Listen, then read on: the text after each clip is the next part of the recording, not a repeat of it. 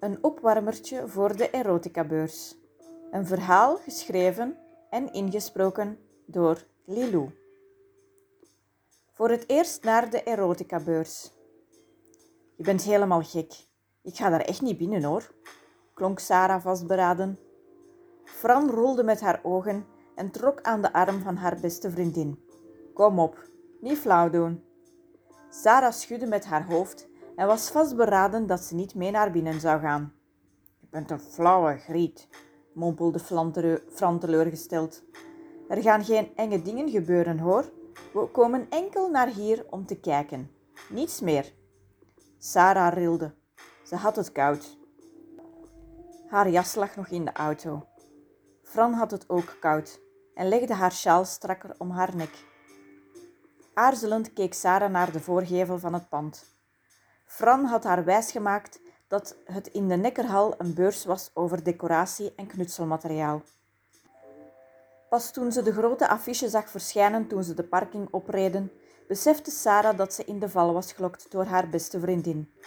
Het was helemaal geen beurs over decoratie, maar eentje over erotica. Ze sloeg kwaad de deur van de auto en verontwaardigd vertelde ze Fran dat ze het niet leuk vond dat ze haar op die manier naar hier had gebracht.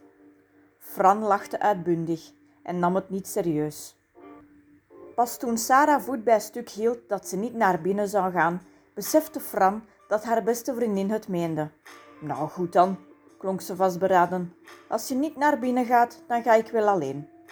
Ze overhandigde de autosleutels aan Sarah en keerde zich om. Wacht, hield Sarah haar aarzelend tegen.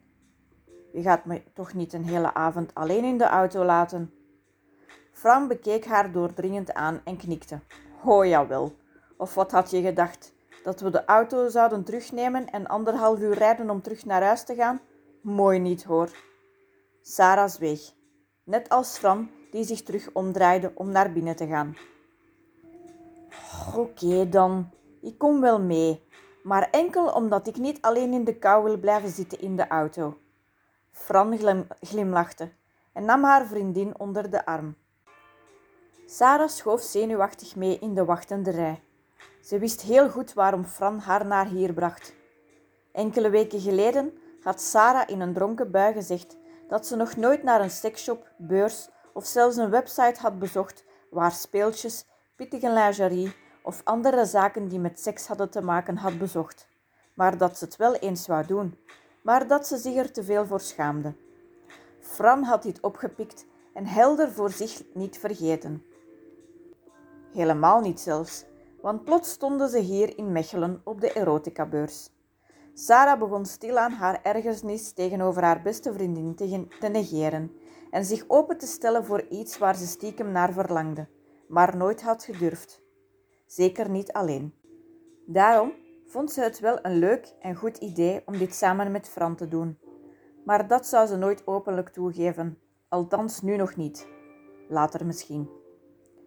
Het was er druk en sommige mensen waren anders gekleed dan Fran en zij. Maar ze vond het niet chockerend. Althans, hier niet. Misschien als ze deze mensen op straat zou zien lopen, zou ze dit wel raar vinden hier vond ze het zelfs mooi om naar te kijken. Er was eentje die een zwart latexpak aan had en daarop zwarte naaldhakken.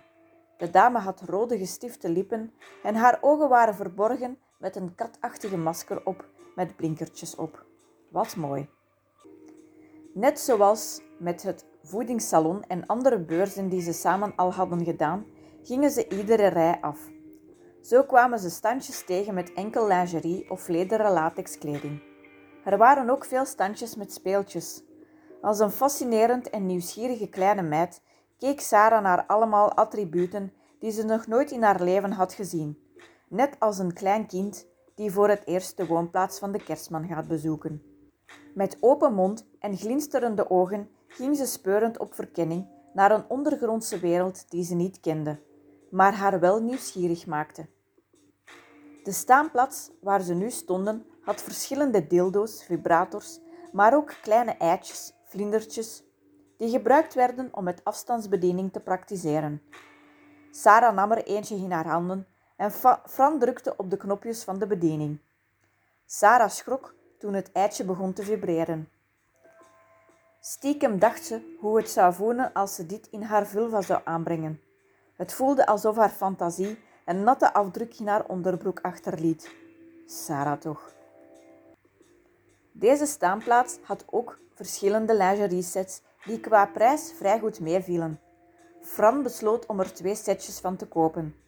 Sarah aarzelde, maar stiekem hield ze deze stand in haar achterhoofd om misschien later op de avond nog eens terug te komen en dat eitje te kopen. Samen met Fran stopte ze aan een andere tafel, iets verderop, waar handgemaakte bodychains en pasties gemaakt werden. Er bestonden hier zelfs workshops voor. Sarah keek er met ongeloof naar, maar vond het zeer mooi gemaakt allemaal. Fran gaf haar een schouderklopje. Wat denk je? Zouden we dit samen eens doen? Zo'n workshop? Sarah glimlachte en vond het geen slecht idee. Alles op zijn tijd. Ik moet eerst dit allemaal een plaats geven, glimlachte ze. Maar ik schuif het niet van tafel, want het is echt allemaal zeer mooi gedaan. Je weet, handgemaakte dingen hebben altijd wel een grote voorkeur bij mij. Fran keek bevestigend naar haar en wist dat haar beste vriendin veel belang hechtte aan spullen die handgemaakt werden. Zo, wat is dat hier? Ze gingen een beetje verder en stonden aan een nieuwe plaats, terwijl ze een tas koffie dronken. Boeken? Dat hadden ze hier nog niet gezien. Dit omslag van het boek waren twee vrouwen, waarvan eentje was vastgeketend. Sarah huiverde bij de gedachte dat iemand haar zou vastbinden, maar ze kon niet ontkennen dat de twee dames beiden een mooi kontje hadden op de cover van het boek.